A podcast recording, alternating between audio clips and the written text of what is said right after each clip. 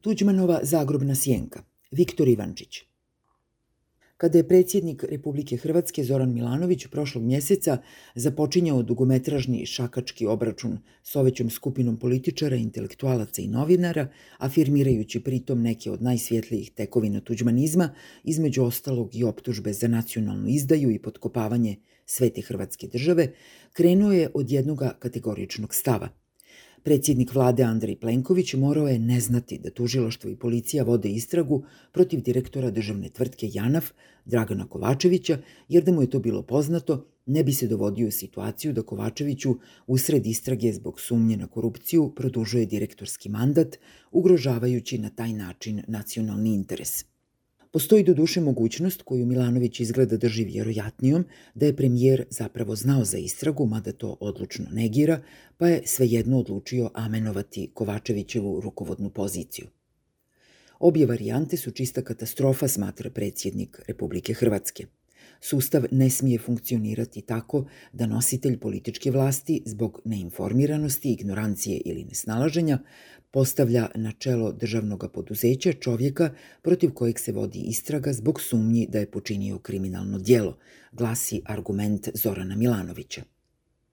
Županijsko državno odvjetništvo u Zagrebu prošlog je tjedna pokrenulo istragu za teške ratne zločine protiv Zlatana Mije Jelića, generala HVO-a i ratnog zapovjednika obrane Mostara, čovjeka kojemu je ovoga ljeta, povodom 25. obljetnice Oluje, Zoran Milanović uručio državno odlikovanje za doprinose brigada i specijalne policije HVO toj akciji.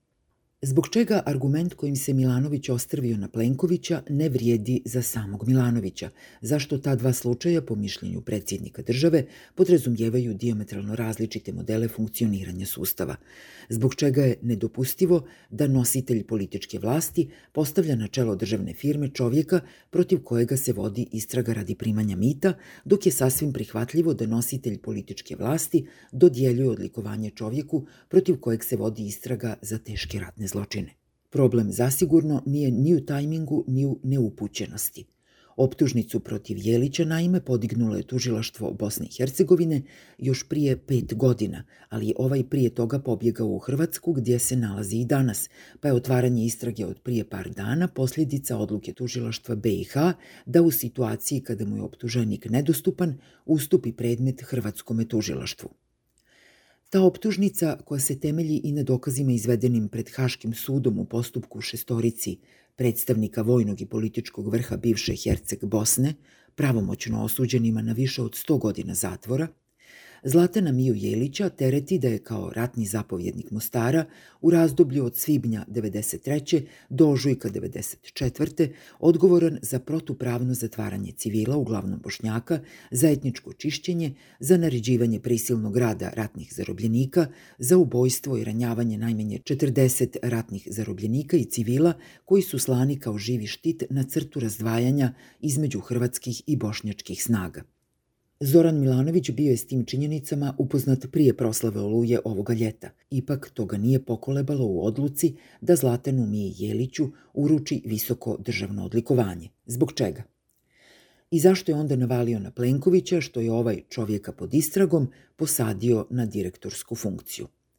Kakvim se to pravnim i moralnim kriterijima rukovodi predsjednik Hrvatske države kada optužbu za primanje mita smatra kardinalnom, pa premijer osumnječeniku ne smije dopustiti da vodi državno preduzeće, dok optužbu za teški ratni zločin drži bagatelnom, pa on usumnječeniku smije i želi uručiti državno odlikovanje. Dovoljno ciničan i dovoljno precizan odgovor na to pitanje glasio bi da se on pridržava kriterija zbog kojih se i postaje predsjednikom Hrvatske države. Donekle zabavna okolnost u testosteronskome ratu dvojice vodećih političkih mužjaka, gdje bi tek jedan dobro tempirani egocid mogao uvesti nešto mira i reda, jest ta da premijer ne može predsjedniku njegov vlastiti argument vratiti u lice i začepiti mu njušku. Plenković bi naime također otvorena srca uručio odlikovanje Zlatanu Miji Jeliću, optuženom za teške ratne zločine, samo kada bi ordeniranje spadalo u domenu njegovih ovlasti. Napokon, što se funkcioniranja sustava tiče, to je svejedno. Nitko razuman i onako ne gaji iluziju da će Hrvatsko tužilaštvo provesti nezavisnu i pravičnu istragu nakon što je objektu istrage državna vlast, znajući da je ovaj pod istragom, okačila orden na grudi. Nije nikakva novost da Zoran Milanović politički egzistira kao hodajući stroj za drobljenje principa, mada je istina da u zadnje doba drobi i što šta drugo – Ipak, čak ni oni što su bili izrazito skeptični prema njegovim predizbornim lamentacijama o povratku normalnosti, nisu očekivali da će po osvajanju inače besmislene funkcije zagađivati javni prostor istim intenzitetom kao njegova prethodnica, no u razmjerno kratkom roku ju je skoro nadmašio. Istinska težina tog zagađenja da ne bude zabune ne manifestira se kroz Milanovićeve nabusite polemičke obračune s njegovim kritičarima, koji nisu ništa više od petparačke medijske zabave, već kroz novu afirmaciju mitske predođbe državnosti, kroz osnaživanje ideje o državi kao pseudo-religijskom kultu, u čije ime dopuštena svaka gadost, dok će predsjednik nad poželjnim ambijentom u hramu bdjeti kao psovački raspoloženi svećenik. U igri su dakle mnogi od najodurnijih Tuđmanovih klišeja. Svjedočenje u Hagu je sramotni čin nacionalne izdaje, zašto je Milanović optužio Puhovskog. Haški tužioci su konstruirali glupe i ružne izmišljotine da bi ih Hrvatskoj stavili na grbaču, što je Milanović saopćio u Kninu. Nije svatko ko je dobio kaznu u Hagu ratni zločinac. Optuženiku za ratne zločine valja uručiti medalju. Pokojni politički kriminalac, vlasnik petorosobne grobnice na Mirogoju, jedva da je do sad imao zdušnijeg ideološkog sljedbenika na visokoj političkoj funkciji. Tko zna, moguće je da čovjeka prožima osjećaj stanovite prozračnosti kada svoju državničku epizodu svodi na ulogu Tuđmanove zagrobne sjenke koja jamči duboku hladovinu za nacionalnu savjest. Uglavnom, sve masovnije simpatije na desnoj strani javne scene Zoran Milanović prikuplja na platformi klasičnog državotvornog nemorala zadanoj početkom 90-ih. Taj koncept etičkog sunovrata sa obogotvorenom državom kao univerzalnom izlikom prostački je jednostavan. Od korupcije i primanja mita valja zazirati, makar samo na riječima – a odlaganje civila nepoželjne nacionalnosti u logore i slanje zarobljenika pod pljusak metaka na liniji razgraničenja predstavlja junačko dijelo koje vrijedi nagraditi. Pavao Miljevac, predsjednik Hrvatskog generalskog zbora koji je predložio Milanoviću da uruči odlikovanje Zlatanu Miji Jeliću, priznao jednom intervjuu kako nije očekivao da će ovaj to prihvatiti, tim više što je inicijativu ranije odbila njegova prethodnica Kolinda Grabar-Kitarević, strepeći od reakcija u Bosni i Hercegovini. Na iznenađenje predlagatelja, međutim, aktuelni predsjednik nije časio ni časa, obrazloživši svoju odluku riječima. Fućka mi se što će bošnjačka strana protestirati. To je moja odluka i neka ide.